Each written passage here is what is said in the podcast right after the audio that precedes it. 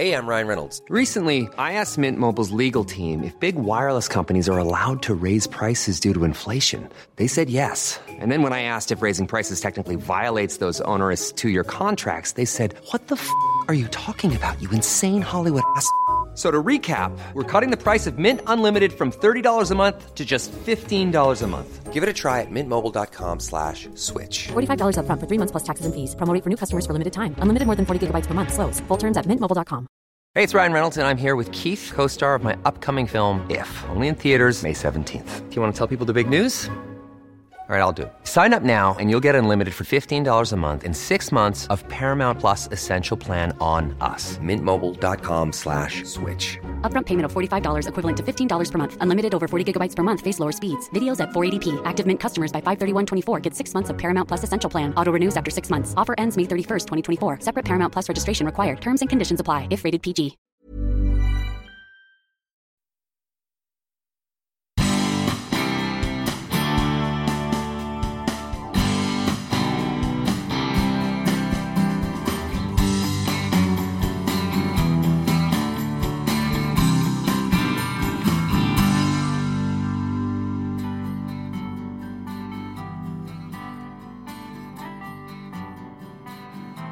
Alla har sin sommar. Sverige har sin speciella sommar med långa dagar och ljusa nätter. P1 har sin sommar där gäster berättar om sitt liv med ord de helt väljer själv. Nu kan du lägga till sommar i spännande möten. Under åtta veckor kommer du att få ett temaavsnitt varje vecka med fyra gäster. Det blir godbitar från tidigare intervjuer som du kanske missat eller vill ha repris på. Som du kanske märkt så har en hel del idrottare passerat revy i podden. Klart fler än antalet kulturpersonligheter, vilket givetvis beror på mina egna rötter inom idrotten. Så det har varit svårt att välja bland alla stjärnor, men här kommer fyra höjdpunkter. En av Sveriges största idrottare, skridskoåkaren Thomas Gustafsson, berättar om hur det gick till när han tog sitt guld på 10 000 meter i Calgary-OS 1988 och vägen dit. Ungefär samtidigt som Thomas vann sitt guld stod svensk herrvolleyboll på världstoppen. Den största stjärnan var Bengt Gustafsson. Här får du höra om den extremt snabba karriären han gjorde och hur en MC-olycka satte tvärstopp. En som brutit de flesta ben man kan bryta när man kör motorcykel är Annie Sil. I det här klippet får du en inblick i hur det är att köra från Paris till Dakar genom öknen. Slutligen, Sveriges längdhopparstjärna Kadri Sagnia tog sig från sitt älskade Hjällbo till världstoppen. Hon delar med sig av vägen dit och berättar varför det var så viktigt att lära sig den svenska nationalsången. Nog snackat, dags för första avsnittet av Sommar i spännande möten och idrottsstjärnor då och nu.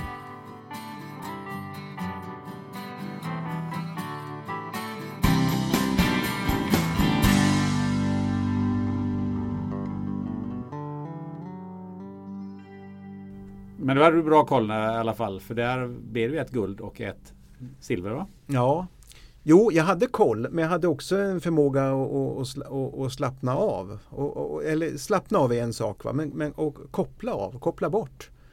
Och vara i, känna mig lugn, trygg och skön och harmonisk. Det är ingen jakt utanför liksom, utan på, på att uppleva, utan ja, men jag upplever, jag, jag ska åka mitt skridskolopp.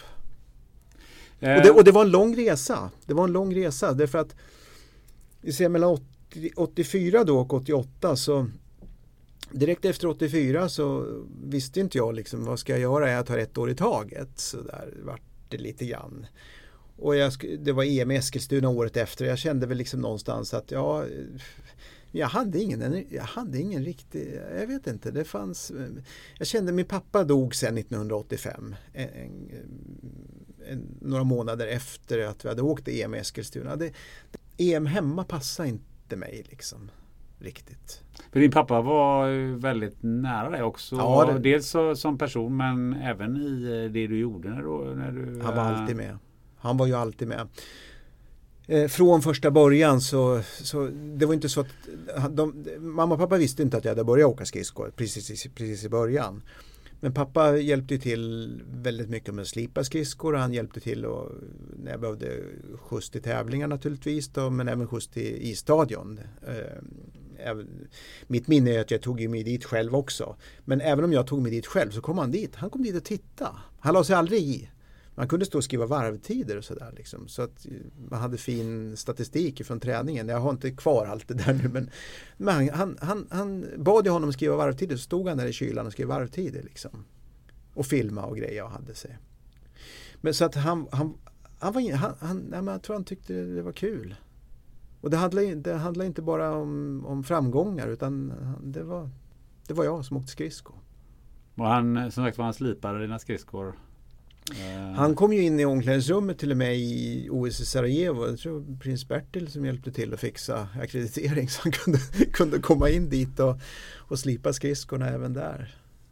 Hur eh, upplevde du ditt liv när, när han gick bort? Vad, vad hände? Var, det, var, det var jobbigt. Det var, det var litet på något sätt. Va? För då var det bara mamma, jag och syrran kvar. På, eh, så. Det, det, var, nej, det, var en liten, det var en liten jobbig period. Och sen, sen, sen fick jag hjärninflammation också efter det som jag minns. Och så började jag få ont i ett knä. Och, alltså det var så här, kanske, ja, pappas bortgång var ju naturligtvis väldigt sorglig eh, så i och med att han hade varit så nära. Men det vart ett omständighetsliv liksom. För plötsligt så började man rikta energin till att förbundet inte gjorde någonting och att titta på norrmännen vad bra de har och titta på holländarna vad himla bra de har och, och därmed sagt liksom titta vad dåligt vi har det. Och, och, och, det är klart att börjar man tänka på det sättet då börjar man ju hitta en massa ursäkter till att inte behöva lyckas. Så det är ju en förfärlig värld egentligen då. 84 OS-guld och OS-silver. Visserligen guld på fel distans för det var ju 10 000 som jag ville vinna. Men sen 85 hände liksom med pappa och ja, hjärninflammation och de här grejerna. Och sen 86 på våren eh, första april så opererade, opererade jag mitt knä. Det var en kronisk inflammation. Det var ingen stor grej men liksom tillräckligt ändå eh, kryckor några dagar och sådär och så började jag rehabträna det där. Och det, det, var tillräckligt för att stanna upp och börja fundera liksom, men är det så här man ska ha det? Och det värsta av alltihopa det var ju, det var ju just det där att man levde med massa omständigheter. Så kom jag in på en utbildning då också. Jag sökte skola, sökte internationella marknadsföringslinjen vid Högskolan i Västerås kom in på den och, och, och då fick man ju liksom ett annat fokus. Då var det liksom inte så mycket förbundet som inte gör någonting utan nu var det tentamenskrivningar. Det var marknadsföring, det var engelsk-amerikansk historia, det var engelsk-amerikansk litteraturhistoria. Vi läste om internationella relationer och så vidare. Och jag gjorde det tillsammans med 25 stycken studiekamrater. Och de gick ju inte omkring och liksom så här, ah, skolan gör ingenting för oss. Utan här var det ju liksom full fokus på, eh, på det man höll på med. Och eh, samtidigt så var det ju faktiskt de i klassen som gick omkring med en knuten näve och skulle förverkliga sina drömmar. Ungefär som man själv hade gått omkring och tänkt runt skridskoåkandet då men sen hade ju liksom ja, förbundet inte gjort någonting och så vidare och, och, och då tappar man ju sugen lite grann sådär. Och, och det är ju egentligen helt fel därför att plötsligt så börjar jag tänka då tillsammans med de här studiekamraterna, vad ska jag göra? Och det är klart med den energin som fanns runt omkring där i, i, i, i den här, på den här utbildningen så kunde, man, kunde jag känna så ja, men, nej, men jag ska ju jag ska vinna OS-guld om ett och ett halvt år på 10 000 meter. Det är det jag ska göra. Och, och, och då fattar man ju liksom, ja, men det handlar ju om att jag bestämmer mig. Det är ju ingen annan som kan bestämma det åt mig utan jag måste hitta den kraften hos mig själv. Och den kom ju av, av liksom omgivningen, tycker jag. Det kan ju vara en omskrivning men det är så jag vill minnas det ändå. Liksom det var där det kom. Genom att jag faktiskt riktade blicken någon annanstans och umgicks med människor som hade en knuten näve liksom, om att förverkliga sina mål. Där tänker jag, ja, men jag ska ju faktiskt vinna om ett och ett halvt år på 10 000 meter. Så, och därifrån var ju resan inte så svår. Det är jag som avgör. Men var du nära på att ta en annan väg och säga att nu får det vara nog, nu ja, hoppar jag av? Ja, ja, ja. absolut. Jag var inte med i landslaget eh, säsongen 86-87. Jag hoppade av det för jag kände att jag, jag, jag mådde inte bra av, av vad ska jag vara med där för? Med, med den attityden som jag själv känner. Men jag hade ju ändå bestämt mig.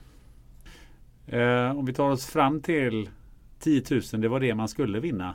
Ja, Det var det som var den svenska parad... Ja, det var det jag, jag skulle vinna. Det var det du skulle vinna. Men det var ju, du hade ju några stycken historiskt före dig. Ja, ja, det var det man skulle vinna. Var det- Absolut. Jo då. Ja. Ja, visst är det väl så. Visst är det väl så.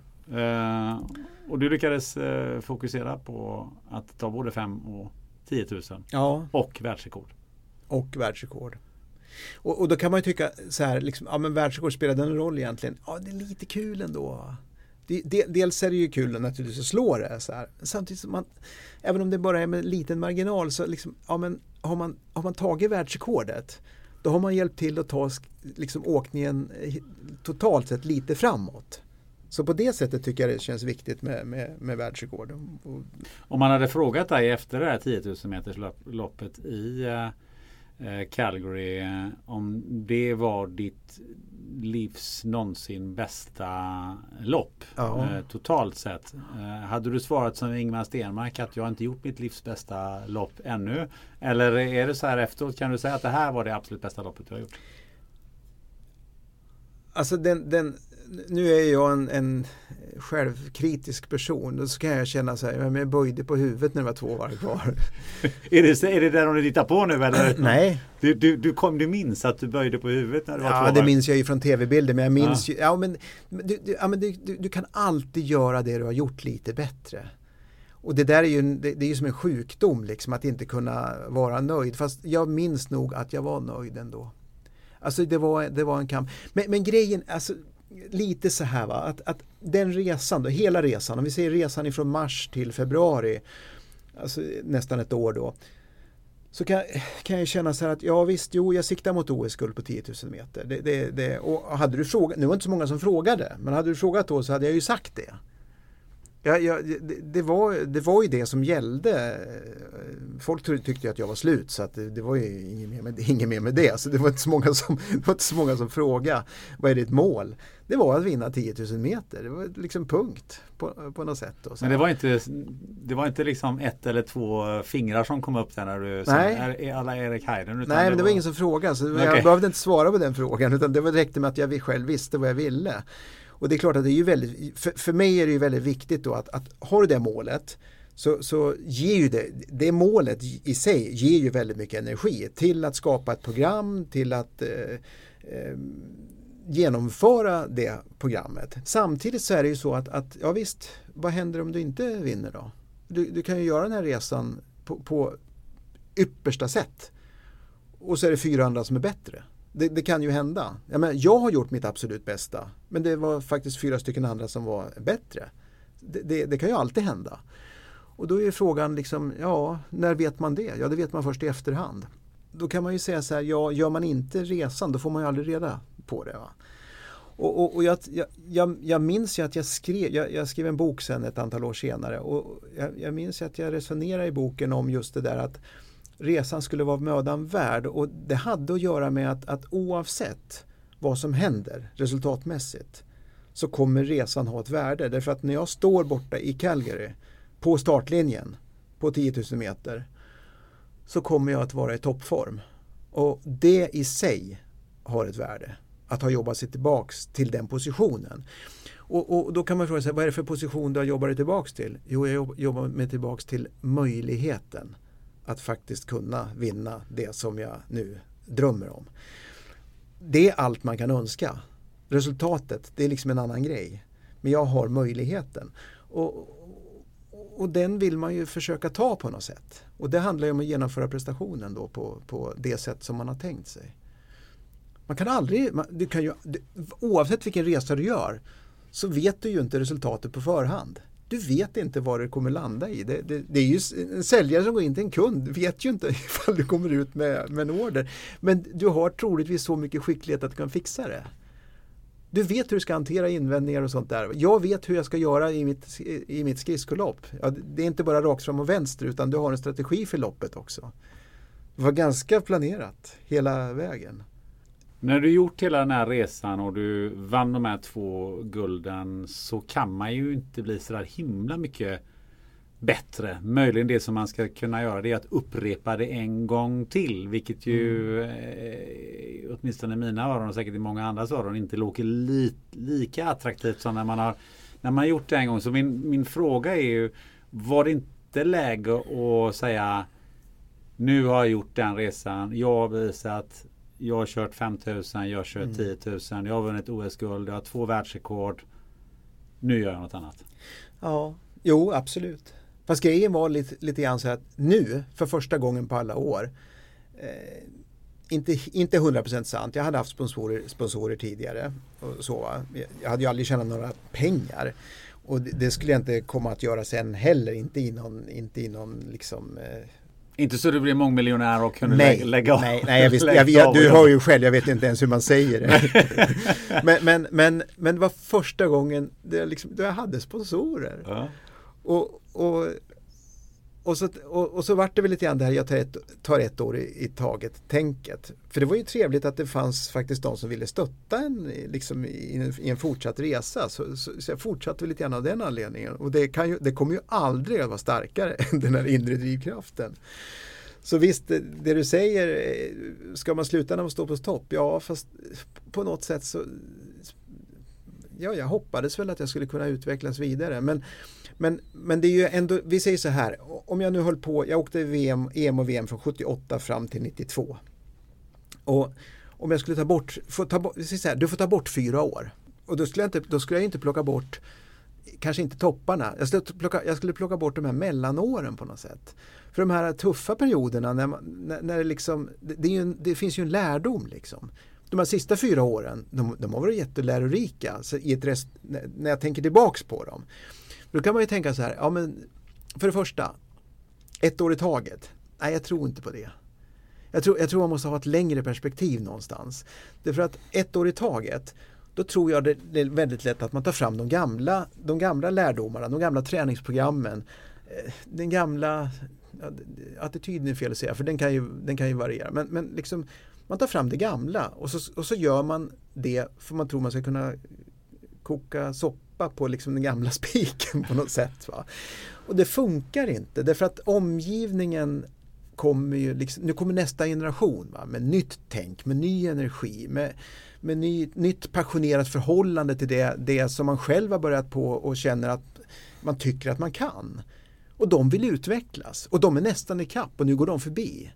Och, och, och, det är ju en ganska tuff, och, och det klarar man ett år och så tror man nästa år så lur, det är lätt att lura sig och tro att, liksom att ja, men, ja, men jag håller mig kvar på ungefär samma nivå och så blir det ännu lite tuffare. Liksom sådär, va? Det, det, jag, jag kom trea på EM 1990 va? så det var inte så att jag inte, att jag inte fanns med. Men jag, jag hade ju inte någon möjlighet, jag hade inte kapaciteten att vinna. Var det den fysiska eller den mentala kapaciteten? Ja, den mentala på det sättet att, att eh, den ju faktiskt styr lite grann hur mycket energi man lägger in i det här. Skulle jag titta på den här fyraårsperioden och ställa mig bortom Albertville och, och, och titta tillbaks, vad har du varit med om? Ja, då, då skulle jag ju kunna säga så här, väldigt, väldigt e, enkelt. Hur ser eliten ut nu mot hur den såg ut tidigare? Ja, nu är de starkare. Nu kör alla tung skivstångsträning. Jag höll på med mina, mina sandsäckar som jag gjorde på Haydns tid, liksom, som hade tagit mig fram till 88. Men nu var det dags liksom att, att nu, nu var det dags att höja det ett snäpp. Och det är klart, tar man ett år i taget, fyra år, då, då, kan du göra en, då, då, då, tror jag då kan man, då kan man ändra då kan man ändra sin egen inställning, man kan ändra sin egen, eh, liksom, man kan bygga långsiktigt. För det var jag tvungen att göra. Men, men det fattar ju inte jag då. Det, det är ju lätt att titta på i efterhand. Och det är ingen ursäkt, det är inte det va. Men en lärdom som jag tycker är lite, lite intressant ändå. Och som du kanske inte vill vara utan? Nej. Nej, det är klart. För det är ju någonting du har tagit med dig framåt ja. i livet. Nej, men jag tyck, ja, men jag tyckte ju synd om mig själv där och, och så. Och, och, det var ju lite tragiskt naturligtvis att göra det. Det hjälper ju inte så mycket. Det var en sån här liten mollavslutning. Men det är ju bara jag som känner så. För folk kommer ju fortfarande gratulera till guld. De kommer ju fortfarande idag och säger grattis i efterskott. Liksom. Ja, det är 31 år sedan. Ja. Och jag, det är väl härligt? Ja, ursäkta säger de så här, men grattis, ursäkta, tack. ja, det är ju underbart. Ja. Det är ju fantastiskt egentligen. Mm. Och var det någonstans där eh, du träffar din fru sen eller var det Ja, tidigare? vi, nej, vi träff, nej, vi träffades 93. 93? 93 träffades Ja. vi. Och det var is, eh, en isprinsessa på säga också. Ja, Fast just hon det. Ja. med stenar istället. Ja, hon hade ju vunnit VM 92 så att hon, hon var aktuell för tv-programmet Hur gör djur? Vad var det för program? Ja, det var i Söndagsöppet så det, det, var ett, det var ett program där man Det var tre stycken eh, personligheter. Vi råkar vara tre idrottspersonligheter i varje fall. Då det var jag och så var det Ola från bandyn och så var det Elisabeth då från curlingen. Vi hade is gemensamt. Och så spelar de upp någon sekvens och så, med, med någon djur då, och så ska man gissa, så stannar de filmen och så ska man gissa. Då. Ja, men liksom, hur gör djur? och jag vann naturligtvis. Nej då. Nej, men där, där träffades vi. Jaha. Ja, så det var lite kul. Det var ju lite oväntat. Jag hade tänkt mig att ni skulle träffas på något, eh, nå- nå- något OS eller någon, Nej, men det någon- var ju så här va. Och hon, jag hade med mig en skridsko och hon hade med sin curlingsten som väger nästan 20 kilo då, eller ganska precis 20 kilo. Så, idealisten liksom, hon vill göra någonting för curlingen och jag vill göra någonting för mig själv ungefär. Och, nej, men så, så, så att det var kul att vara, sen då att hänga med på hennes resa för hon ehm, eh, curling i Sverige, det, det var ju, ja men folk kände till curling men, men nu, 95, något år senare, så var vi borta i Kanada på VM. Som de då skulle spela. De vann VM 92, sen, sen var vi i Brandon mitt ute på eh, bondvischan. Eh, eh, mitt ute i ingenstans egentligen då. Så kommer det 350 000 åskådare. 250 000 åskådare på, tre, på tio dagar och kolla på curling. Och det var ju liksom Wow, oh Mrs Gustafsson, nice to meet you Mrs Gustafsson. Oh I like your slide Mrs Gustafsson. Det var ju, hon var ju firad stjärna. Och du var... Och jag gick och jag sa, oh and you must be the husband, sa de till mig då så här, va? Och jag tänkte, jag får ju skramla med mina medaljer i fickan liksom så här, I remember Calgary. här, ja, men det, ja, det, var helt, det var helt fantastiskt. Och se liksom att det, det var ungefär som skridsko i Holland. Det är ju det är liksom, det är fullsmackat på arenorna och det är liksom Ja, det är helt enormt liksom. Och, och, så var det för curlingen där borta i, i Kanada. Det, det, det, det, helt fenomenalt alltså. Helt. Jag kommer ihåg på flygplatsen, vi skulle flyga hem och så kommer en sån där en, en man som kör en, en sån där bil som, när folk har bråttom till flyget. Han får han syn på Elisabeth, han tvärnitar liksom så här. Oh Mrs Gustafsson, congratulations to a fantastic victory. Liksom, och, så, och så bara upp och ner och sen iväg igen så här. Man känner så här, wow. det är lite häftigt. Men det är lite grann som att du slog världsrekord på, på Bislett. Det är att hon vinner ett, ett VM-guld på, Ja. på kanadensisk mark. Ja, ja, de vann ju fler sen där borta. Va? De, de vann fyra VM totalt. Då. Så det var, ju kul. Jag var ju med vid de här tillfällena. Då. Så det var ju jättekul resa. Liksom att vara, för då kunde jag... Jag hade ju inte någon träning att hålla på med sådär då. Så det var ju, det var ju fantastiskt att kunna få vara med om hennes segrar. Har du testat curling själv förstås?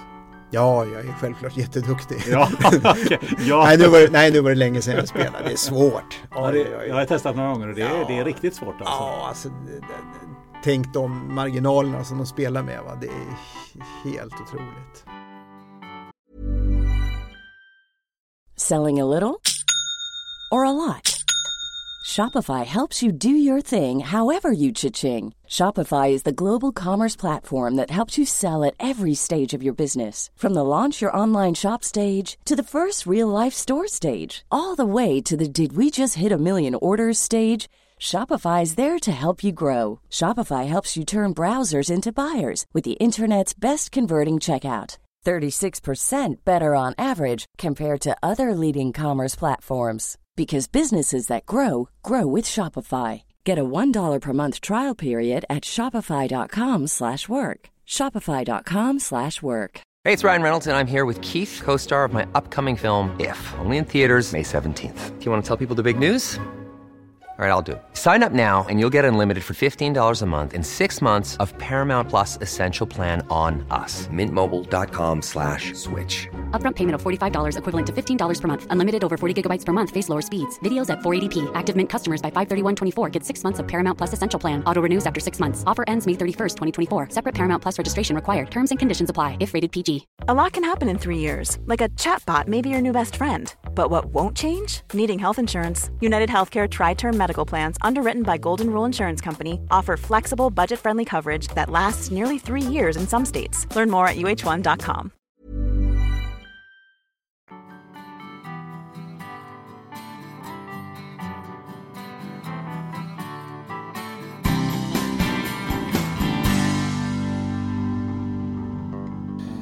Oj, vi spelar ju väldigt mycket fotboll. eh, Och i Sjövalla så spelar vi även bandy. Bandy på is alltså? Ja, ja, riktig bandy. Men, eh, och sen så höll jag på med friidrott eh, när jag var, vad kan jag ha varit, 13-14 där någonstans tror jag. Det började med att det var någon som ville kasta en liten boll. Och så, så var det någon som sa, men fasen du kastar ju skitbra, du ska ju prova spjut. Ja, så jag, det kan man väl prova. Så vet jag inte hur det var, men jag åkte väl in till, till Slottsskogsvallen om jag kom i kontakt med, för får jag vara med MIK i Majorna. Eh, och, och så fick jag prova det och jag kastade rätt bra. Så, eh, nej men, och sen så, ja, så blev det ju då att jag höll på med spjut också då på somrarna. Och fotboll och och det var ju, det var ju mycket. Handboll har jag spelat också så att jag menar. Eh, men, men spjut blev jag ju rätt bra på. Eh, och var ju med i Sverigeeliten. Jag var väl, när jag var, jag tror att jag var topp tre när jag var 16. För jag, jag är nästan hundra på att jag sökte in till friidrottsgymnasiet. Men då var ju Dag Wendlund och Peter Borglund i samma sväng och de var bättre än mig och de hade två platser tror jag det var på friidrottsgymnasiet för just spjutkastare. Så, så då eh, ja, kom inte jag in och då blev det, ja då höll man ju på med idrotten när man höll på. Sen så kom jag med i juniorlandslaget i volleyboll då så, så blev det det då till slut. Men, men spjutkastning, jag tror till och med att jag har ett eller två rekord kvar när jag var inne och tittade på Majornas hemsida på eh, ja, eh, klubbrekord om man säger. Så tror jag har två, jag tror, tror till och med diskus har kvar ett rekord som jag kastade, var med på ett DM och, och kastade. Och jag, I och med att jag har så långa armar så får man ju bra hävert då på något sätt. Så jag fick ju iväg den här diskusen utan att snurra rätt långt längre än vad de här 15 eller 16-åringarna fick. Så jag vann väl något DM tror jag även i diskus. Men eh, det var ju rätt, rätt roligt det där för att Dag Wennlund och Peter Borglund, eh, det var ganska roligt, de var ju med i samma OS som du sen 1988 vad jag. Precis, stämmer. Det var rätt eh, häftigt att ses, eh, att vi tog olika vägar. Men hur kommer det sig att det blev volleyboll då? Jag tror att det var den gången jag kom med i juniorlandslaget. Eh, Och det var väl 16-17 eller någonstans jag var. Eh, Och just landslaget, det var ju, ja, det, var ju det häftigaste man kunde vara med liksom. Men bara Som- sådär? Jag menar, man- Nej men vi, vi, spel, vi spelade med Sjövalla och det gick väl bra och vi var med på någon Karl och Ada tror jag det var. Jag vet inte om det var Ingmar Larsson då på den tiden. Tränade, spelade i, i Ja, elitspelare då? Ja, precis. Som, som också hade juniorlandslaget. Och Anders var väl lite involverad då med Kristiansson.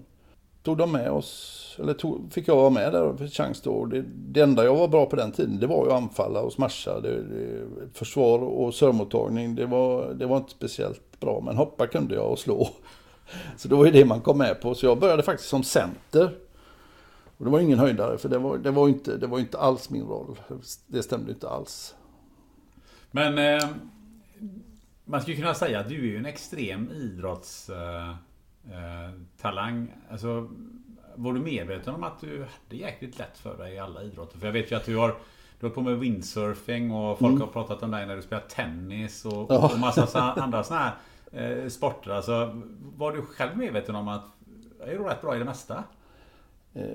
Lite var man väl det såklart. Eh, eh, Eh, och sen, det är många som har sagt det till mig så här i efterhand. då. och, Fan Bengt, du, du valde ju helt fel idrott. Vadå? Man, du, man tjänar ju inga pengar på det. Så här, det skulle ju varit något annat. Ja, jo, på den aspekten så skulle man väl det. Men jag, jag ångrar verkligen inte att eh, jag valde volleybollen. För det jag har upplevt och varit med om, det är få förunnat. Det är inte många som får vara med på en sån resa. Det är ju svårt också att spekulera i hur bra hade Ja, du blivit i fotboll? Självklart. Jag Eller kom till stadslagsuttagning var jag med ett år på, eh, i fotboll faktiskt. Men jag kommer inte ihåg när det var heller. Och då var det också svårt, jag tror det om jag var med Mölnlycke IF, då var det ju de stora klubbarna som plockade ut sina gubbar. Så ska du prestera på en, en träning, var du, och så tittar de på dig. Du, gjorde du kanske ett misstag så var du ju körd då va. Men eh, så karriären blev ganska eh, spikrak. Eh, men hann du med skolan då när du var på idrotta så mycket? Jag tänker på gymnasiet.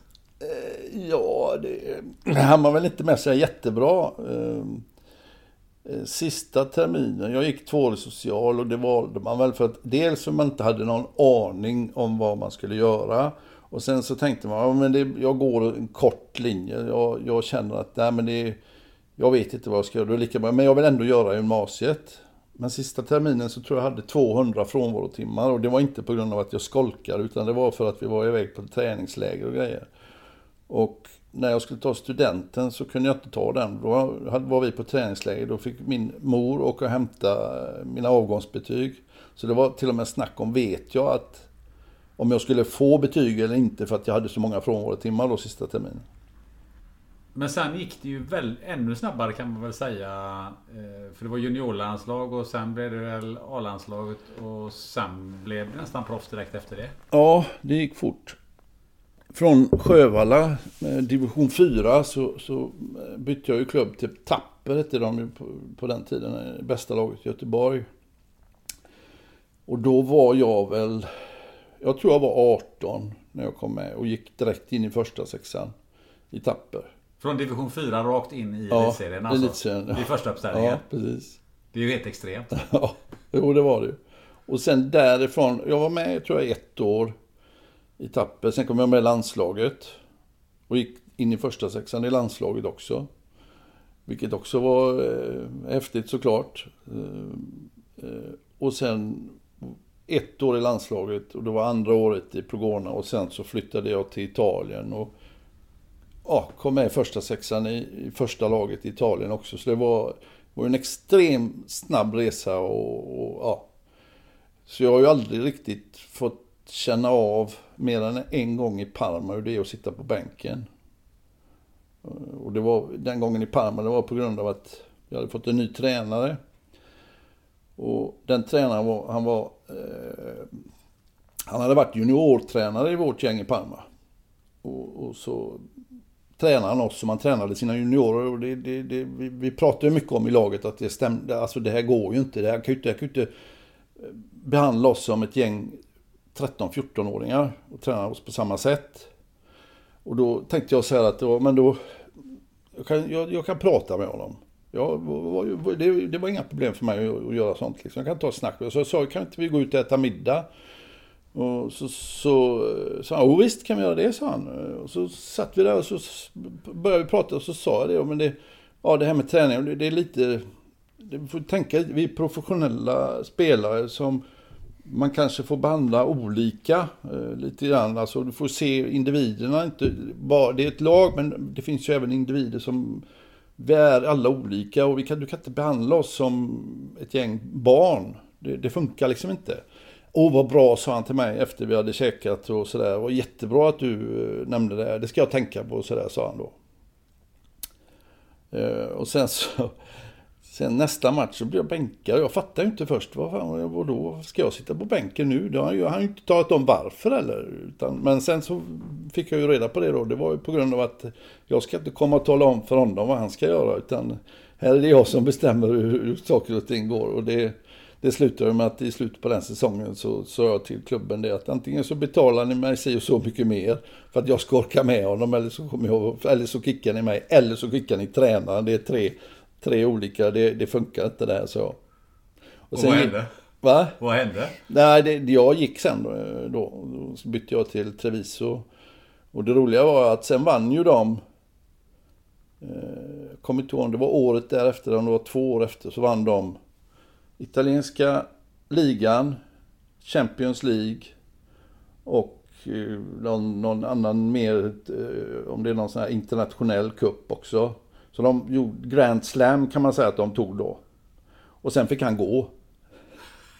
Så de vann med honom alltså? De vann med honom ja. Jo.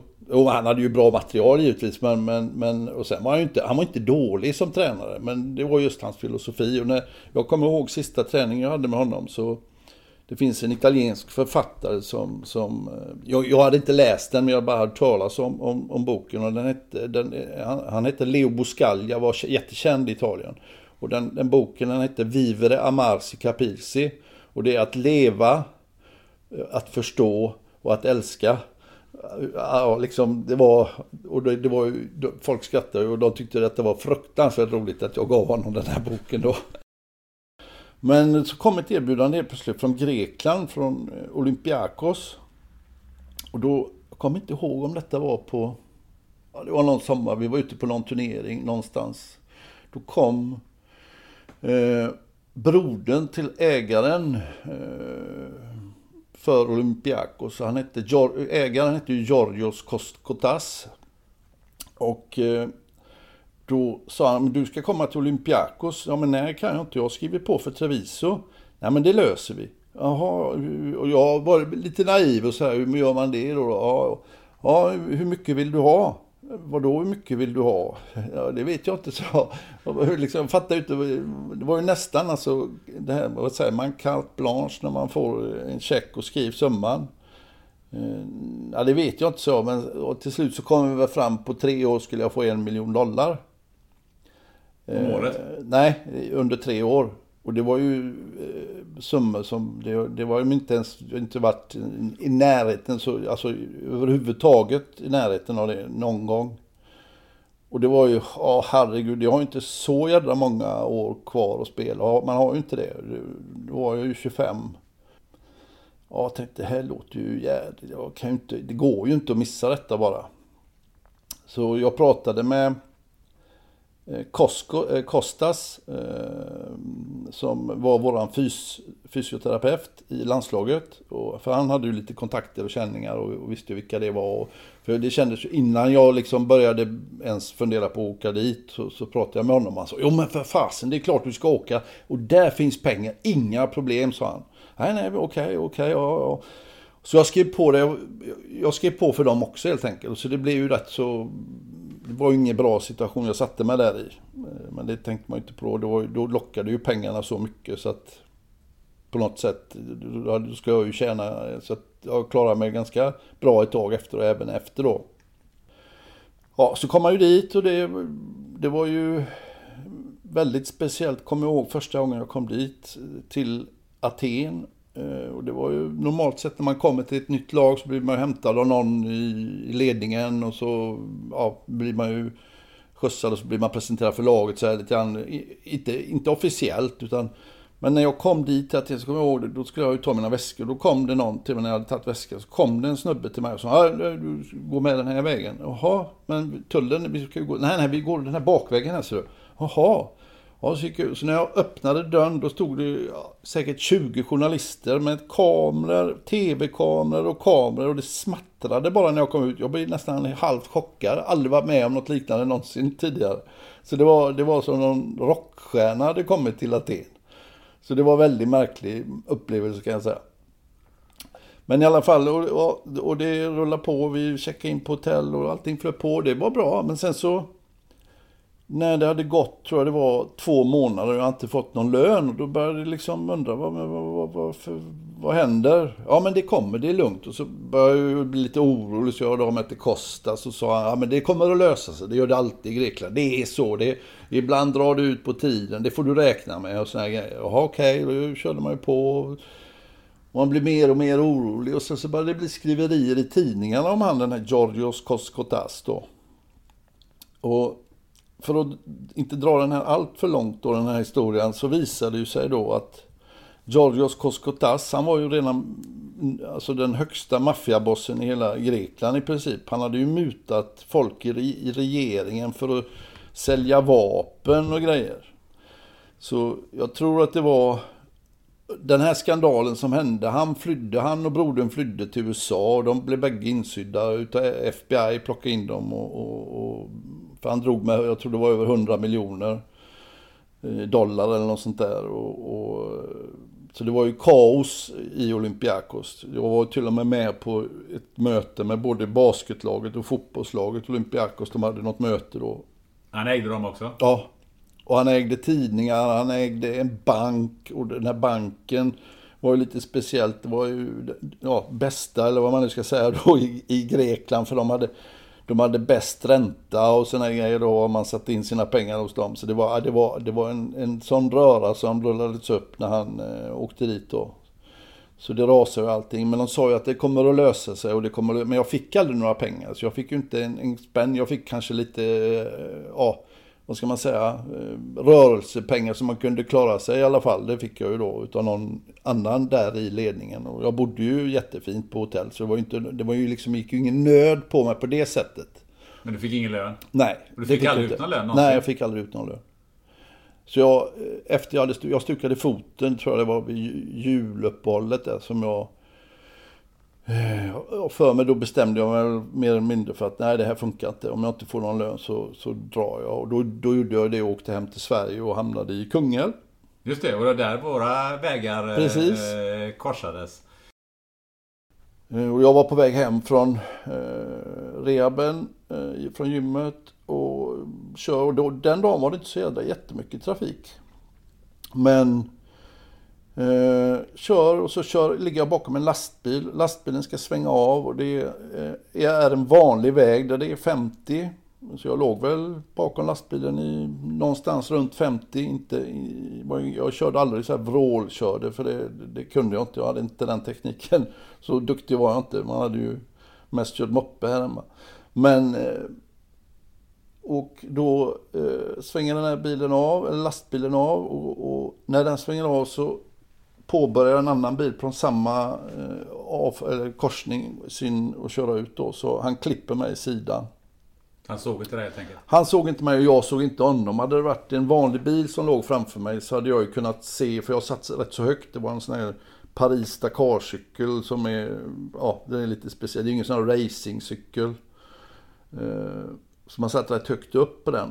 Och då hade jag ju sett att han hade påbörjat sin utkörning. Men eh, det gjorde jag inte tack vare att jag var bakom lastbilen. Och jag hann ju inte bromsa på den korta sträckan för jag låg rätt nära. Eh, det blir ju så när, man, när den svänger av så hamnar man ju rätt nära lastbilen bakom då. Och då kör han ut och jag kommer inte ihåg sådär jättemycket av just själva smällen. Så jag hade ju för mig att jag hade kört in i sidan på honom. Men det hade jag ju inte. Det var ju han som hade kört in i sidan på mig. Så han klippte mig över smalbenet med sin kofångare. Så benet gick ju av, varbenet gick av på två ställen och eh, smal, alltså det stora tibia då gick ju av mitt av och sen så spräckte jag den inre fotknölen mot eh, motorblocket. Och sen landade jag på backen och tittade så hade jag min fotsula vid knät. Så jag låg och tittade på min fotsula och sen rättade jag ju till benet på något sätt. Ja, det, det är väl någon reaktion, jag har ingen aning. Rättade till benet. Ja, la ner, la ner foten där den skulle vara. Eh, och sen så kommer jag bara ihåg att det, det gjorde fruktansvärt ont. Eh, jag hade ju riktiga sådana MC-kängor med metallplatta i. Så det, det tror jag räddade mitt ben. Annars tror jag, jag hade, om jag hade kört i gympaskor som många gör där nere så, så tror jag jag inte hade haft underbenet kvar idag. Faktiskt. Och då hamnade du på italienskt sjukhus Då förstås. hamnade jag på italienskt sjukhus och det var en upplevelse i sig och det, det är en eh, podd nästan bara det. Kan du, kan du kort berätta hur italienska sjukhus är? det låter ju spännande. Det har jag aldrig då, hört då talas om. 91 så... eh, Ja, vi blev förd med ambulans till sjukhuset och sen... Vi har ingen aning om hur, hur, hur man hade gjort i Sverige heller. Men de var ju väldigt noga med att kolla nacke och rygg givetvis. Det är ju det första man gör. Eh, och sen så kollade de benet och då vet jag att det var en läkare där som utan bedövning, ingenting, som körde in fingrarna rätt in i... Jag hade ju ett öppet benbrott så halva benet var ju liksom upp, öppet om man säger i omkretsen på det underbenet mitt på så var det ju öppet benbrott. Så det, piporna stack ju ut och han körde ner fingrar och kände där. Och jag vet inte varför han gjorde det men du kan ju tänka dig den känslan när någon kör in i ett öppet köttsår bara ett par fingrar rätt ner i och rör runt där. Så att, nej, det, var, in, det var ingen bra start. Och sen så... Nej, sen så... Ja, jag fick Voltaren i princip som smärtstillande. Jag fick eh, morfin en gång och det var intramuskulärt. Det hade man ju fått förut när man har opererats någon gång tror jag i smärtlindring. Och då fick man det intravenöst som det heter direkt in i ådern och då, då tar det ju millisekund så verkar det ju. Men intramuskulärt så tar det ju, jag vet inte, en kvart, 20 minuter. Det tar ju en stund innan det liksom går ut i cirkulationen på något sätt. Men då skulle de sätta en spik genom hälen för de skulle liksom sträcka ut. På den tiden gjorde man det, jag vet inte hur man gör idag. Men, men de skulle sätta det benet i sträck för att i och med att benen var av så muskler och senor gör ju att dras ihop allting. Så det, då hamnade det ju omlott. Men då skulle man liksom dra ut så att benen hamnade mer rakt då. Och då, då, då, vet jag att då låg jag på en brits och då satte de en spruta i, i låret och så var det morfin i den då. Och så fem sekunder efter de hade tagit ur sprutan skulle de skjuta en stor spik genom hälbenet på mig då, där de skulle ha det här draget. Och det var väl ungefär som ett halvt lillfinger den här spiken. Alltså, det såg ut som en stor borrmaskin, men det var någon form av pistol. Men jag fattade, men det har, det har inte hunnit verka. Jo, jo, det är lugnt, sa de. Jaha, det var ju bara att blunda och ta tag i britsen och säga ja nu är jag klar. Och sen så sköt de in den här spiken och det var ju som hela hälen exploderade. Och sen så, det var, det var historier där med det här benet, vi skulle byta rum och de bar mig tre gubbar och då, benet var ju inte stabiliserat. Det var ju liksom bara, om man tänker sig från benbrottet och ner till foten så var det ju löst. Det var ju som en ja, det fanns ju ingen stabilitet överhuvudtaget. Skulle de försöka hålla det still då, det, men det gick ju inte. Så det, ja, det, var, det var katastrof i tre dagar innan en svensk läkare kom ner och gav mig riktig smärtlindring då. Det var ingen operation då alltså? Nej, ja, och det var lite lustigt också. Jag kände ju det att, att eh, ja, men jag vill hem till familjen och nära och sådär och bli opererad där. För jag kommer ihåg också det här, jag vet inte hur, länge, hur långt innan det var som Ronnie Pettersson dog i Italien. Men jag, jag kommer ihåg att jag tänkte på Ronnie Pettersson, att han hade något svårt benbrott och eh, dog väl, jag kommer inte ihåg om det var på grund av någon blodpropp, att han inte fick blodförtunnande. Och jag vet inte om detta är en, en eh, bara som hörsägen eller vad det är. Något Nej, det stämmer ju. Han, eh, ja. han dog väl av att det var blodfetter som ja, det var eh, fick ett omlopp i, i blodet. Ja, det var han hade så många benbrott. Ja, det var väl, och jag tänkte ju på detta då, så jag ville hem liksom. Eh, och så jag flögs hem med SOS International då, de försäkring eh, som täckte det då. Eh, och sen så blev jag opererad på Sahlgrenska. Då Hans Granhed som satte in och det roliga där var eh, jag fick en, ett instrument eh, som heter Hoffman. Det var en italienare som hade uppfunnit detta instrument. Som, jag tror det var en läkare i Verona eller något sånt där tror jag det kom ifrån. Jag för mig det i alla fall. Och då var det ju skruvar och eh, då fixeras ju det med, med en, liksom en led mitt över, över typ benbrottet. Så man la det, fixerades rätt då med över underben. Med alla de här skruvarna då. Så det satt ju utanpå benet då, den här ställningen då.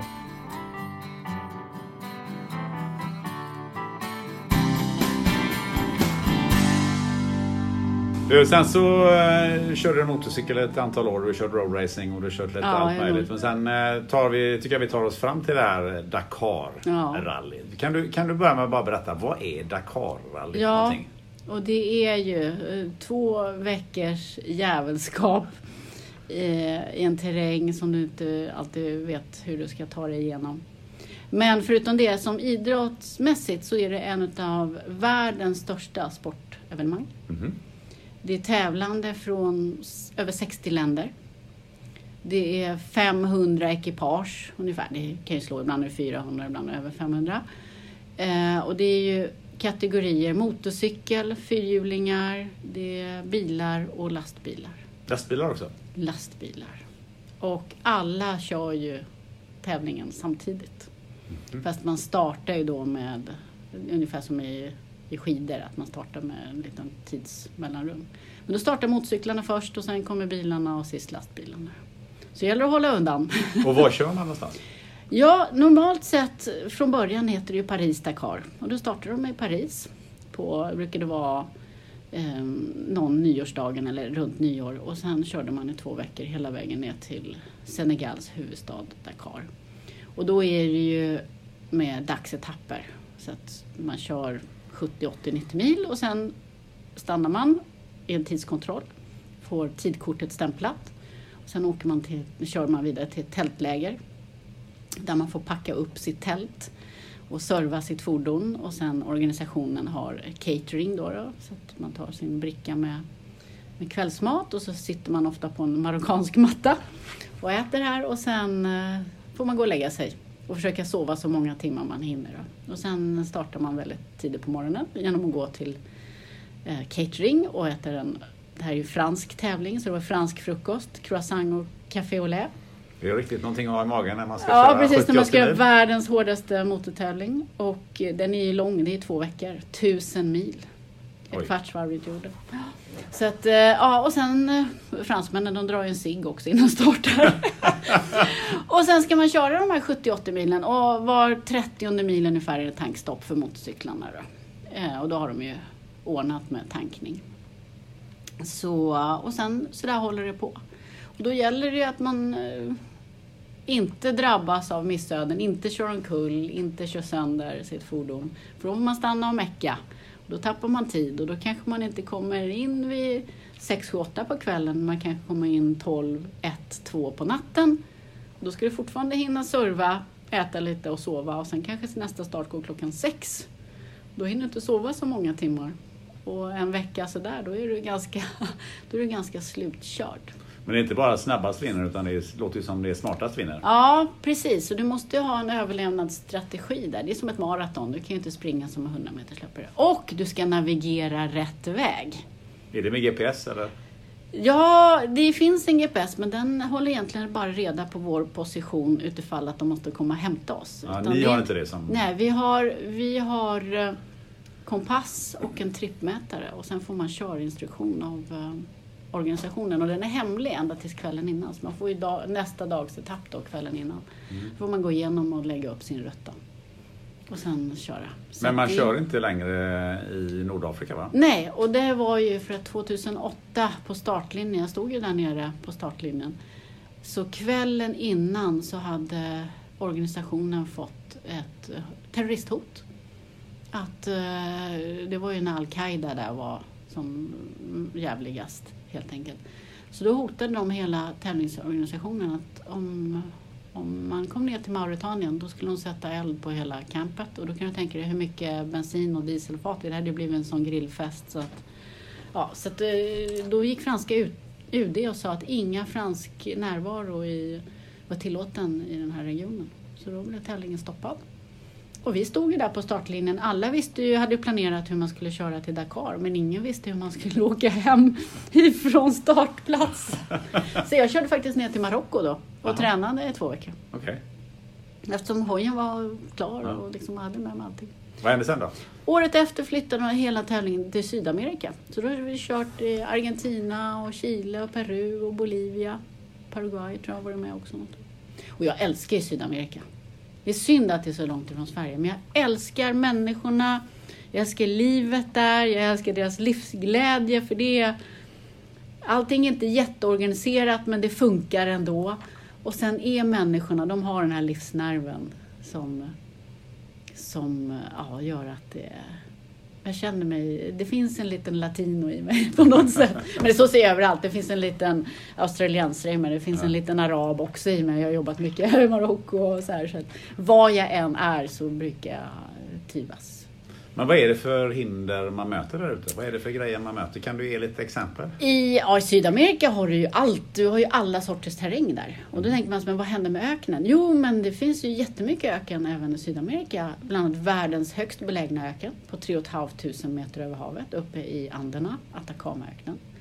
Och när man ska åka ner från, från den här öknen på tre, och då är det en nedförsbacke hela vägen ner till Stilla havet. Oj. Och den är 3,5 kilometer lång.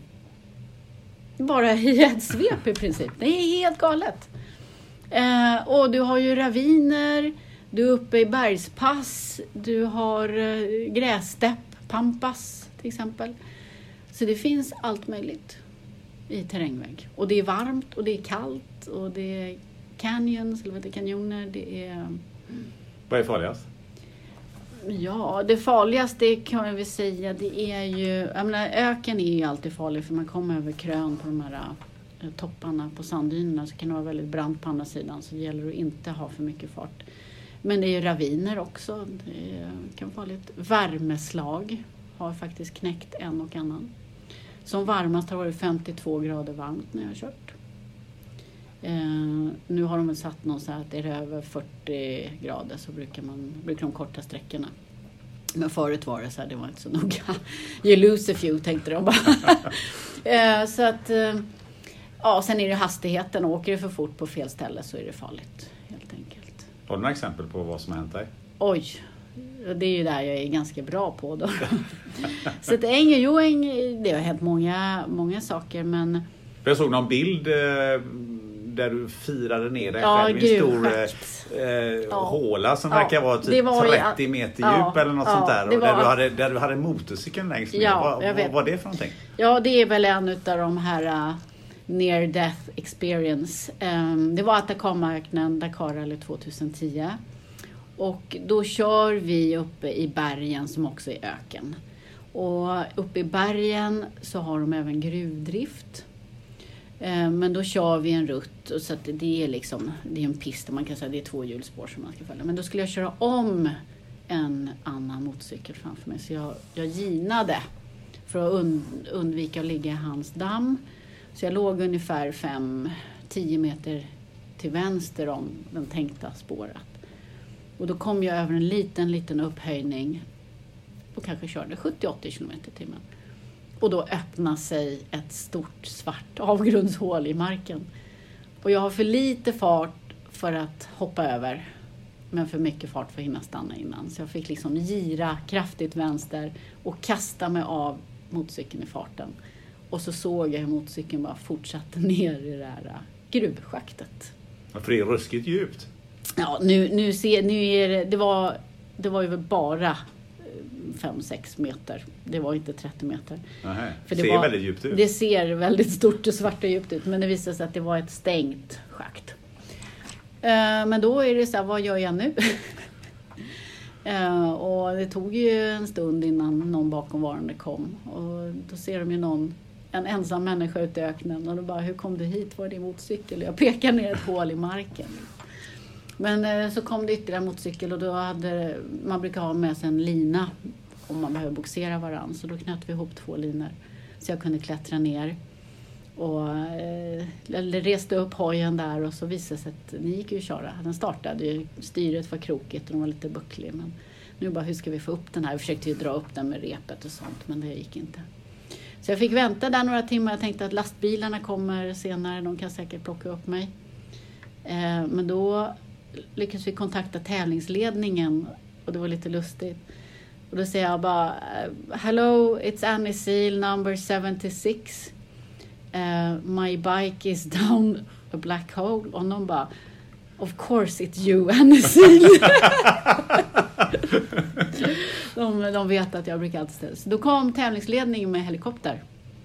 Och de fattar ju inte att de inte har sett det där när de har kört rekognoseringen. Alltså, så att de sa det att det här borde ha varit utmarkerat på den här kartan att det var ett avgrundsschakt där. Så de lyfte upp hojen med eh, helikoptern. Så vi kröt eh, rep under och klättrade ner i hålet och lyfte upp den där. Så sen kunde jag fortsätta tävlingen. Och eh, jag hade tappat några timmar men jag var långt ifrån sist. Och jag lyckades faktiskt köra in massa tid så att jag blev bästa dam och blev Dakar eh, Women's Champion. Men jag har också hört att det kan vara lite problem med höjderna i Ja. det här loppet. Det var också en eh, när, när death experience. Vi kör upp eh, ett bergspass på 5000 meter någonting. Ja, 4 500. Och då på grund av syrebristen så hjärnan stänger av. Den börjar hallucinera. Så jag körde, det var en vanlig asfaltsväg, ett bergspass med vanlig trafik. Och då tänkte jag, jag ligger på mittlinjen. Så då är jag inte för långt till höger och till vänster och nerför kanter. Eh, men sen börjar man liksom så här, vägen börjar flyta och man börjar få så här konstiga sinnesbilder. Men det var en helt tom väg, det var det, men den liksom började bli mjuk i kanterna på något sätt. Men det var ju bara hjärnspöken. Och så kör jag och så ser det bara pang i höger styre. Och jag fattar inte, hur kan det göra det? Det finns ju ingen på vägen. Men då vaknar jag till och då står en bil parkerad med halva bilen upp på vägen, så halvvägs utanför vägrenen. Då. Och då har jag slagit i backspegeln på bilen med mitt styre. Och det var ju en sån där, då fick jag adrenalin på slag och var klarvaken. Och då tänkte jag, tänk om jag hade legat mitt i min körfil. Då Ja. hade jag kört in rakt tillbaka i bilen i kanske också 80-100 km i timmen. Då hade jag varit död. Och det var en sån där, men det hjärnan hade stängt av. Den såg inte den här bilen. Det var liksom, vägen var nästan som, som gelé bara i min hjärna. För jag läste mig till att det var någon fransk förare som eh, har börjat förbereda sig på det här rallyt genom att bo i höghöjdstält. Ja, innan. men så är det ju nu. Men första året när vi körde Argentina, det var ingen som tänkte. Det här var ju 2009 då, så var, vi var inte riktigt beredda på det. Nu är ju alla uppe på sån alpträning och så. Men den där hojen som du har, den eh, får du inte fabrikslevererad utan den anpassar du själv. Ja, eh, det är lite så. När jag började Dakarrallyt då fanns det egentligen inga färdiga hojar att köpa i butik annat än för fabriksförarna. Då fick de ju från respektive märke. Då. Utan då fick man köpa en enduro eller motocross-hoj typ. Och så fick man bygga om den för att klara ökenrally. Och vad är det man behöver då? Jo, man behöver väldigt stor bensintank. Så en vanlig crosshoj kanske 8 liter. Och jag behövde ha med 35 liter. Så då måste man ju specialbygga bensintankar. Så måste vi ha 3 liter nödvatten. Så måste man ha vattentank och så måste man ha navigationsutrustning och fästa det fram på styret. Och så man extra nattlysen och sånt. Så att, då behöver man extra tuff eller hård fjädring då. Eh, beefa upp den lite så att det blev ju hemmabygge. Men sen är du ju ganska kort så att eh, det är inte bara att Det var ju nästa problem för att jag hade ju behövt förlänga mina ben. Och då fick jag utveckla en teknik att jag startade hojen, la i växel medan jag fortfarande stod bredvid. Och sen hoppade jag på den i farten. Eh, för att jag nådde ju inte att stå bredvid och slänga över benet, för de är så höga. Och sen blir motsvarande då när man ska stanna och då hitta något bra ställe så att jag kunde hoppa av i farten eller så ramlar man av i farten har jag gjort några gånger också. Så att, och jag kom första hojen, där hade inte ens elstart på den utan då var det kickstart så det var jobbigt. Men vad väger en sån hoj? Totalt fulltankad, um, någonstans närmare 200 kilo. Sen har jag kört en, um, en X fabrikshoj, då, en KTM 660. Och den vägde fulltankad 248 kilo. Men du fastnar med en sån i djup sand. Och som sagt var, du väger inte jättemycket även om du är och så når jag stark. inte heller precis. Och styret är ju uppe liksom ovanför axelhöjd. Så att, nej, Hur jag gör kan- man? Nej, man lär sig tekniker. Jag, vet, jag lärde mig något som jag kallar för kängurutekniken. Och det Okej. handlar om att man, eh, om man nu ska gå in i detaljer, att man lägger i en växel men jag håller in kopplingen och sen gasar jag till och släpper ut kopplingen väldigt fort så att den gör ett skutt framåt. Och så får man vara väldigt snabb och hoppa med. Och sen gör man några sådana skutt så brukar man komma ur det här värsta då, så att man kan liksom knuffa den. För det går inte annars att knuffa den men alltså i det, i det mjukaste. Så att, ja, jag har lärt mig tekniker och jag har lyft 200 kilo motorcykel några gånger. Um, det tar längre tid för mig och ibland får jag be om hjälp också. Jag vet jag satt i ett lerhål i Argentina och då var vi två små italienare och jag, vi fick inte loss den. Sen kom en stor stark fransman och bara slet upp den där. Så, ehm, så det gäller att ha bra medtävlare och inte motståndare. Så det där ser jag till också. Men hjälper man varandra sådär? Man hjälper varandra. I Dakarrallyt eh, så hjälper man varandra. För det, är, det är en sån tuff tävling så att ingen vill inte hjälpa någon för man vet aldrig när man vill hjälp tillbaks. Och det står inskrivet i reglerna att stannar du och hjälper med en olycka till exempel, då får du tillbaks den tiden. Du ska aldrig vara att, äh, skit i det, jag satsar på mitt race. Men hjälper du varandra eh, med tekniskt och sådär, då är det ju på din eget bevåg. Liksom. Men det här är ju rätt farligt också. Det hör jag ju på det du berättar och, och det är rätt många som har omkommit. Ja, just mot, motorcykelförare är ju, vi har ju ingen kraschbur, det är ju kroppen som tar smällarna. Vi är utsatta för väder och vind, så är det 52 grader varmt så har vi ingen aircondition. Det är som att sitta i en hårtork. Liksom. Och det är ju fysiskt så mycket mer krävande än att köra bil. Eftersom det är kroppen som gör allt jobbet. Utom att vi trampar inte som när man trampar cykel. Men, nej, det, är, så det är väldigt tufft. Men det är lite så alla vi som ställer upp vet ju om att det är tufft och att olyckor kan hända. Så jag kallar ju med det att det är risk management. Man stämmer, bestämmer sig för hur mycket risk man är villig att ta. Och riskvilligheten minskar ju oftast med åren. När man är ung och, och odödlig så tar man väldigt Man har lärt sig vad som kan hända. Ja, precis. Lite så. Jag har överlevt alla år hittills. Men vi pratar ju om eh, hoj i sanddyner. Hur Mm. kom du på idén att lyfta upp hojen eller bära eller släpa eller vad du nu gjorde på Mount Everest? Mm. Ja, men det var ställen. efter första Dakarrallyt som också Det var ju ett katastrof genomfört rally. För jag bröt ju handen dag fyra och sen slog jag mig gul och blå i rumpan och kopplingen gick sönder och det kom 12-årsregnet drog in i Sahara så det vart ju bara lervälling. Men, men vänta lite nu. Liksom, vadå brutit handleden? Du kan inte köra motorcykel med bruten handled? ja, jo, jag gjorde ju det. Men, men hur gjorde du det? Du måste Det ju gjorde kunna... ont. det gjorde ont, men det pekade inte åt fel håll. Nej, jag tejpade, det var ett mellanhandsben som gick upp i handleden, den slog jag av. Så att jag kunde fortfarande hänga kvar i styret. Men jag fick ju tejpa gashandtaget då, så att jag kunde inte rulla på. Så du tejpade den på full gas och så... Ja, precis, det var ju tävling. Du tejpade gashandtaget ja, på full gas? ja, och sen körde jag. Men... Eh, Det var lite jobbigt i svängarna. Ja, eller Ja. liksom när du kom över en sån där krön Ja. på, ett, eh, på Ja, en sandlina. jag kraschade några gånger till gjorde jag. Så att jag, kom, att jag ens kom i mål då, det var ett väldigt hårt rally. Jag tror utav nästan 200 startande så var det 59 som kom i mål och jag var 54. Ja, men jag var, vann 400-klassen då, för jag var den enda 400 som klarade mig i mål. Nej, det, det var riktigt, det var ett helvetes rally. Och det var där jag har en lårkaka eller en rumpkaka som stor som Marocko ungefär. Hela, hela rumpan och låret var helt blåslaget.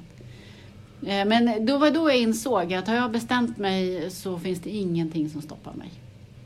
Så det gjorde lite att eh, den här, om man säger självbilden eller eh, då insåg jag att jag är oerhört mentalt stark.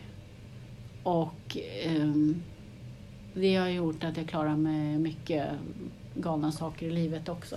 Man, man, alla blir ledsna, kanske slår sig, vill ge upp. Jag har velat ge upp så många gånger i mitt liv. Men eh, sen kommer den där eh, ja, Dakar-Annie och bara tar över spaken och bara nu kör vi. Det finns bara en väg genom skiten och det är framåt eller runt.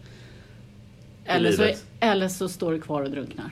Och det är väl, det är inte bara Dakarandet? Det är väl Nej, livet det är menar. Och det är lite så, när man, första gången man åkte Dakar då tänker man det som tävling. Men jag insåg att det här är ju hela livet i väldigt komprimerad format. Och det är så här, hur vill man gå igenom livet? Vill man ha medspelare eller motspelare? Så där har jag också blivit så här, från att vara den här ensamvargen som inte brydde sig, så har jag liksom, jag har väldigt bra vänner, jag har väldigt bra familj, jag är extremt lojal mot de som är mig nära, för det är så här, det är livet. Och den känslan är lite i Dakarrallyt också. Eh, några blir, så här, skapar det under Dakar, vi blir som en familj. Man träffas en gång om året och går igenom det här helvetet tillsammans och man gläds och lider med varandra.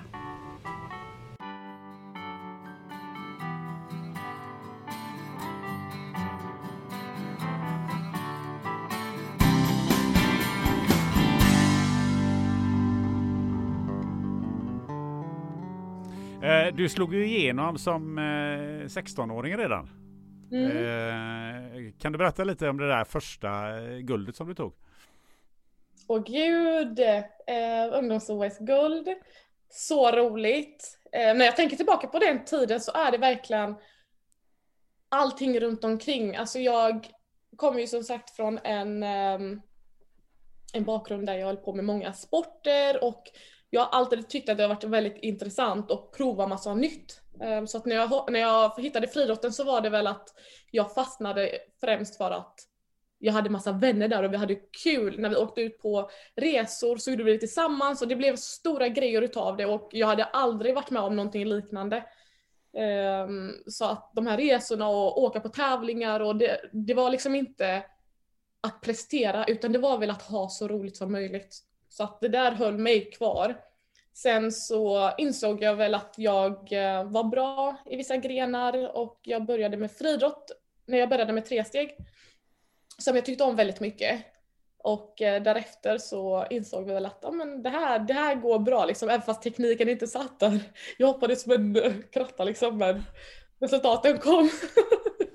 um, och sen så fick jag vara med på ungdoms-OS då i Singapore och Alltså det var det bästa. Det var så roligt och man fick träffa så mycket folk från olika länder och bo i en OS-by. Och helt plötsligt så finns det liksom ett kylskåp där med gratis dricka. Man bara, sen när har saker och ting varit gratis liksom? Man bara, det här är livet. det var så kul och det hela atmosfären, det var, det var magiskt. Så att eh, när vi väl började tävla, jag var ju nervös, men jag kände att alltså jag har ju hoppat bra liksom och medaljer är absolut någonting jag vill ha. Sen att jag fick till det där fina hoppet, det var, det var guld. Det var nice, verkligen. Men eh, hur, vad tänkte du då? Tänkte du liksom, fan, 16 år, OS-guld, eh, visst det är ungdoms-OS, men ändå, den, den här vägen är ju spikrak. Ja, alltså det var väl mer att jag hade väldigt roligt, så jag tänkte inte så seriöst på det, utan jag vill ju självklart fortsätta ha kul. Och um, om det här innebar att ha kul så vill jag fortsätta med det. Vilket jag också gjorde, så att det blev väldigt mycket, det blev väldigt mycket hopp, men eh, med så dålig teknik som jag hade och en sämre grund så kom det skador också, vilket blev, eh, ja, vilket inte alls var så kul. Men det, har du sett någon svårighet eh, med den här tidiga eh, framgången? För det kom en motgång då också? Absolut, absolut. Och när den här motgången kom så var det ingenting, jag, hade, jag var inte förberedd på det. Utan jag kommer ihåg att när jag drog korsbandet så var det att vi åkte och kollade upp, eh, kollade upp det hos en läkare. Och när vi sitter där hos läkaren och läkaren säger ja, ah, eh, du måste operera dig. Och jag sitter där och tänker bara va? Vadå operera dig? Vad säger du? Och jag tänkte bara nej, jag ska inte operera mig. Jag kommer inte göra det för att jag var inte så jag var inte beredd på det. Jag var inte mentalt beredd på att något sånt skulle hända just då. För jag tänkte ju att jag var ju ung, hur kan det här hända mig? Så att eh, jag sa nej, jag vill inte operera mig för att jag var i chock och jag, eh, jag visste inte riktigt, jag vågade inte riktigt. Och då när jag, jag kommer ihåg att nästa dag så kommer jag in till träningshallen och alla har fått reda på att jag har sagt att jag inte ska operera mig och alla är på mig liksom bara du måste operera dig, du måste göra detta, du måste göra detta. Och jag bara men varför ska alla säga till mig vad jag ska göra? Jag vill inte göra det och jag kommer inte göra det. Så att jag väntade ett helt år. Visst, min rehabtid hade kunnat minskas liksom med ett år men det var väl det jag bestämde mig för att göra just då. Och det året um, körde jag bara rehab, jag kunde springa och så vidare. Knät var ändå väldigt stabilt. Jag kunde springa på och köra liksom vanlig träning förutom att hoppa. Men jag körde väldigt mycket rehab för att verkligen se till så att när jag kom tillbaka och opererade mig så skulle knät vara stabilt nog väldigt fort liksom, efter operationen. Alltså du bestämde dig för att operera efter ett år först då? Efter ett år ja. Mm. Du, eh, vi ska komma in på det strax här. Du är ju eh, du är uppvuxen i eh, Hjällbo. Uh, och det finns ju en annan pers- friidrottspersonlighet som ju kommer från Angered, Jannik Trigaro. Uh, och honom har jag, haft i, i podden tidigare och han, han sa ju det att ja, men motgångar, jag har haft rätt många motgångar sa han, men, men jag har bra nytta av att jag är från Angered. Det, det, är exakt så det är. Alltså jag tror att om du kommer från ett ställe, om du har blivit uppväxt på ett sätt där du inte haft allting, du har varit tvungen att kämpa för att exempelvis ha mat på bordet och du har gått igenom det livet. Alltså, man vill inte, komma, man vill inte vara där, man liksom har nytta utav det, man vet hur man kan kämpa, man vet hur det är att liksom inte ge upp, och det är precis det man inte ska göra när man liksom kommer ut i livet utan man ska kämpa för allting man vill ha. Och um, att ge upp, det är ingen, it's not an option. Varför, uh, varför blir man så bra på det när man uh, växer upp i den här, uh, i den här typen av omgivning? Jag tror det är för att man har fått känna på liksom svårigheter. Um, och om man har fått kämpa hela sitt liv så vet man blir van vid det. Det är ingenting som man tänker liksom oj okej okay, hur ska jag göra nu då utan det blir att man hamnar i den liksom alltså mindsetet och det bara tar över.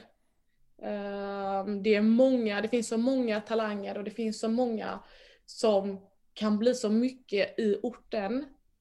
Och det är många som inte tror på oss vilket gör att vi måste bevisa oss ännu bättre liksom, än vad kanske någon annan behöver göra för att folk ska tro på att vi kan bli någonting. Vilket gör också att vi lägger in mer krut i det vi gör.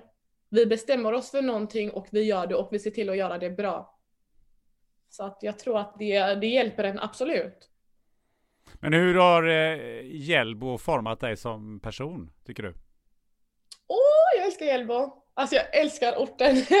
jag är så glad att jag, jag, vi flyttade dit faktiskt för att det har varit så, det är så mångkulturell liksom ställe och jag har haft nytta av att liksom lära känna så många människor med olika bakgrunder, man lär sig av varandra och samt att alla är så olika men ändå så lika på ett sätt är, det är guld värt. Vi liksom, man kan ju se sig själv i många som bor där. Och man kan ju även lära sig av varandra och um, vet, ta till sig kunskap från varandra och ta med det till eh, senare livet. Men är du eh, född eh, där ute? Nej, jag är född i Helsingborg, Skåne. Jag pratar inte skånska, men det kan komma. och sen så flyttade vi flyttade faktiskt till Göteborg när jag var fem. Så ja, men jag brukar oftast åka iväg till Skåne för att hälsa på bröder och ja, syskonbarn som bor kvar där. Eh, du har ju redan pratat om, om mamma. Vem är mamma? Mamma är eh, alltså mitt hjärta, mitt allt. Utan den kvinnan så hade jag dels inte varit här, men jag hade inte varit där jag är idag. Alltså, hon är en förebild för mig och det är också för att jag har sett hur mycket den här kvinnan har kämpat. Vi har haft en jag har haft en barndom som liksom, det har, det har varit upp och ner. Det har inte alltid varit en dans på rosor, men jag tackar henne ändå för alla de fina stunderna vi fick. Trots svårigheterna.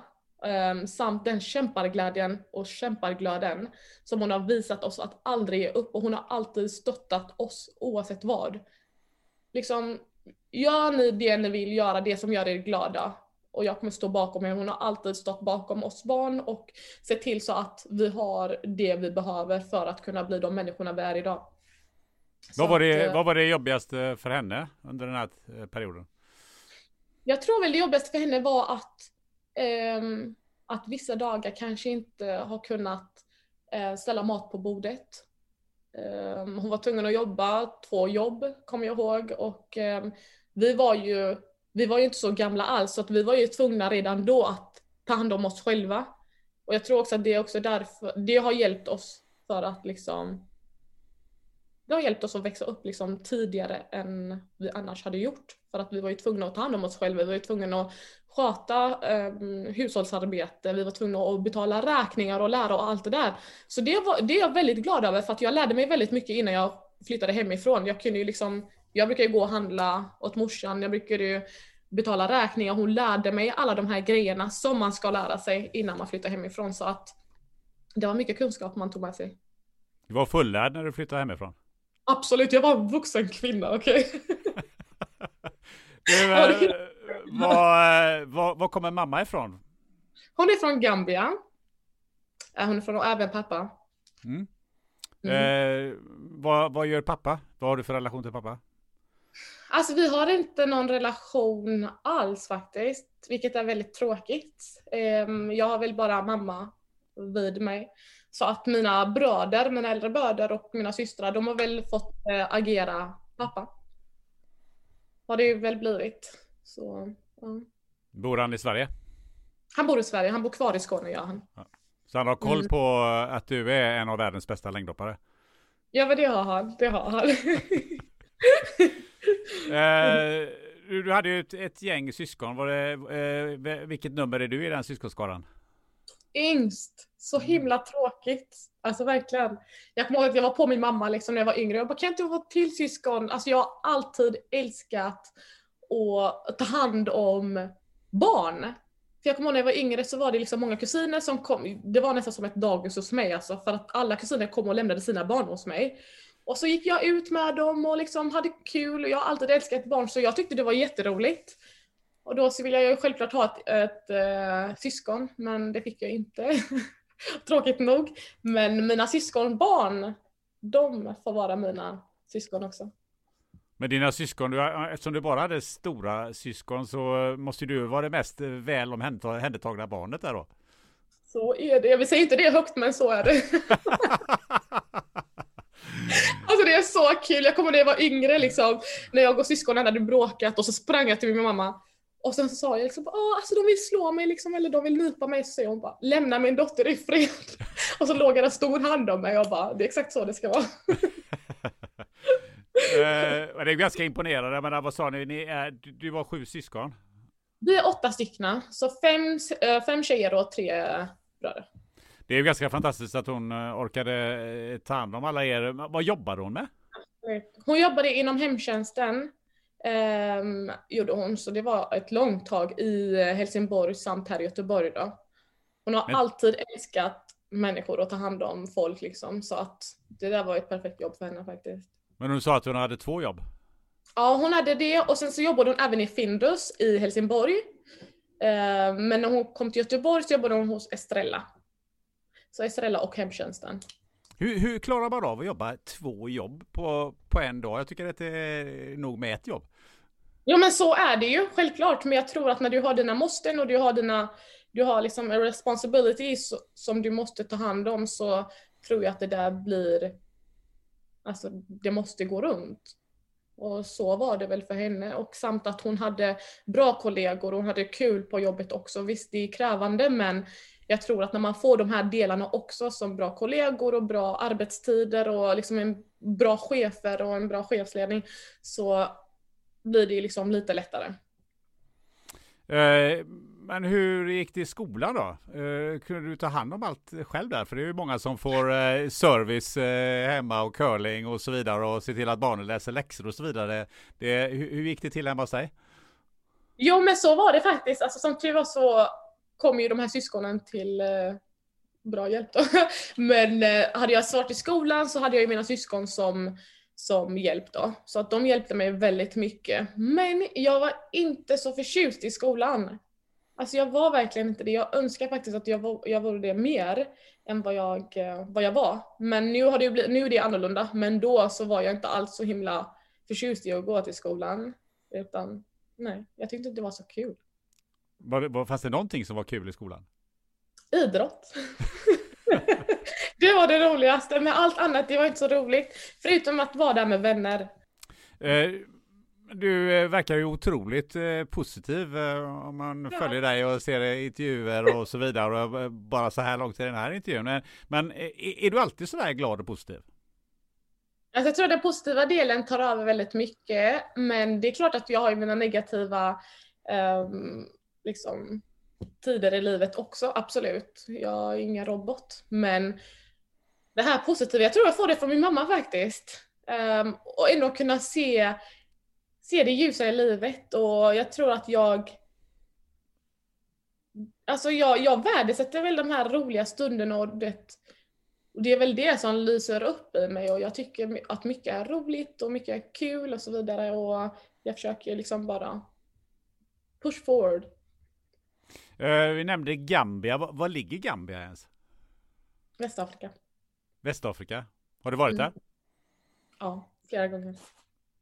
Hur, eh, hur upplever du att komma dit? Så roligt! Det är underbart att komma dit liksom. Det blir ett helt annat språk, en helt annan kultur, maten är helt annorlunda och så har vi solen och eh, själva landet, alltså när man, det, det luktar typ eld. Alltså vi, Jag kan säga att det luktar eld, alltså det är skitkonstigt men ibland när man känner den här lukten liksom och jag bara Oh my god, jag är i Gambia just nu. Alltså det är en underbar lukt.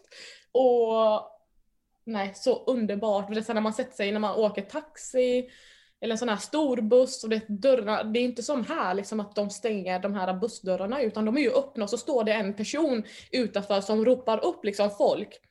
Så att de, istället för att det står exempel att bussen går till Angered så är det en person som ropar vart bussen, äh, bussen åker. Så är det folk som bara ah, jag ska med den här bussen så hoppar de i bussen och det, det är bara så himla annorlunda men det är så underbart. Det är kul att få vara med om det. Vet de, eh, känner de till dina eh, friidrottskvaliteter även i Gambia? Ja, faktiskt. Ehm, det är många som brukar liksom skriva till mig från Gambia och sen så brukar de även uppmärksamma eh, mina resultat på sådana här gambianska ehm, hemsidor och så vidare. Sen kusiner där borta som skriver ja men vi såg det på tv och allt det där. Så det är kul att jag har nått hela vägen dit också. Men att tävla för Gambia var aldrig aktuellt? Nej, Sverige är ju mitt land. Jag är född här och jag älskar Sverige och älskar Gambia men jag känner mer att jag det Sverige jag vill tävla för och jag känner väl mer att det här är mitt land just nu. Men, men hur känns det att komma till eh, Gambia förutom att eh, det som du berättar här? För att eh, jag har hört en del som säger att eh, Mm, när man just är i den typen av situation som du är, att, att eh, man, inte, man är inte hemma riktigt någonstans. Man är inte hemma när man kommer till, till, eh, till det landet som man egentligen har sitt ursprung i, men man kanske inte heller känner sig riktigt hemma i, i, i det landet där man bor eller där man är, är född och uppvuxen. Precis, jo men absolut kan man ju känna av det ibland. Jag tänkte faktiskt på det för någon månad sedan, liksom att vet, jag har ju sett vissa kommentarer när de har exempel lagt upp mina resultat på gambianska hemsidor. Och där är det många som kommenterar, ja men hon är ju svensk och hon tävlar för Sverige och eh, här när jag bor här så finns det självklart folk som bara, ja men du är ju inte helt svensk och man bara, jag är född här så att jag är lika mycket svensk som du är. Oavsett hudfärg. Så det är ju liksom, det dras ju självklart men jag känner att jag har fått liksom båda delarna och jag är väldigt stolt över det. Jag har två kulturer, jag har två språk och det, jag känner mig rik på grund av det. Um, samt när jag åker till Gambia så kan jag ju språket, jag, jag, kan ju kommunicera med folket, jag känner mig hemma där och du vet, när man beblandar sig med sina kusiner och när man åker och träffar släkt och så vidare, att man känner sig inkluderad och det är tack vare att jag kan språket och att jag förstår vad folk säger och kan interact på det sättet. Och samma här i Sverige. Jag eh, känner inte mig mindre svensk på grund av att jag är mörkhyad och att jag har föräldrar från ett afrikanskt land. Eh, vad, vad, heter språket i, Gambia? Mandinka. Mandinka? Okej. Okay. Ja. ja. Spännande. eh, men du, hur viktigt var det för dig att, att kunna svenska nationalsången? Det var så viktigt. Alltså, jag ska berätta en sak. Grejen är så här att jag kunde inte den förrän jag var inför ungdoms-OS så hade vi en sån här, äh, det var en pre-tävling och där var det ju två svenskar med och så två, ja, två från varje land då. Och um, den, bästa, den bästa svensken skulle då få platsen till ungdoms-OS. Och um, då vann jag ju den tävlingen, det var i Moskva. Så det var en sån här olympisk kval då. Så då vann jag den och när jag väl stod där uppe och svenska nationalsången spelades upp så kunde inte jag den. Och jag tänkte bara, men herregud, det här är skämmigt, alltså det här är inte okej. Okay. Men efter det så kommer jag ihåg att jag, ehm, jag spelade in den. Jag spelade in den och så hade jag den på min, eh, jag hade en liten sån här eh, iPod eller vad det nu var. Och så lyssnade jag på den varje dag i skolan och utanför skolan och det så här, lärde mig den. Och när jag väl kom till ungdoms-OS så sa jag, nu har jag inte lagt ner den tiden för att kunna lära mig svenska nationalsången för att ställa mig på andra eller tredje plats. Nu ska jag komma etta så att de kan spela den och jag kan sjunga med. alltså det här, no waste. och det var det jag fick göra, tack gode gud. Så det var jag väldigt glad över. Blir du inspirerad av att lyssna på intervjuerna i sin helhet eller vill veta mer så kan du gå in på spannademoten.se där du också kan se från vilket avsnitt samtalet är hämtat. Eller så bläddrar du helt enkelt fram det på Spotify eller någon annan poddplattform. Hur ser det ut framåt då? Jo, närmast kommer ett avsnitt med rubriken I rikets tjänst med bland annat stridspiloten Robert Karjel och livvakten Roland Strandberg.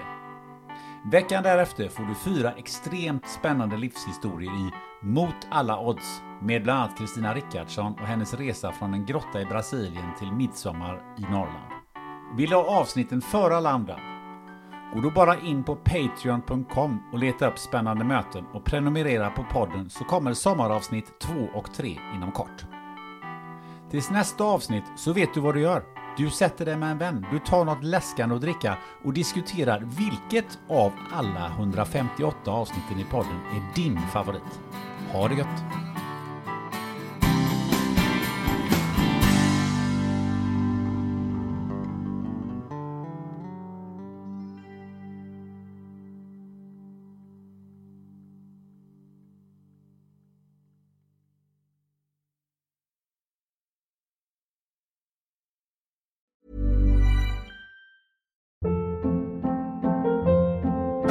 Hold up. What was that? Boring. No flavor. That was as bad as those leftovers you ate all week. Kiki Palmer here, and it's time to say hello to something fresh and guilt-free. Hello Fresh. Jazz up dinner with pecan-crusted chicken or garlic butter shrimp scampi. Now that's music to my mouth. Hello Fresh. Let's get this dinner party started. Discover all the delicious possibilities at hellofresh.com.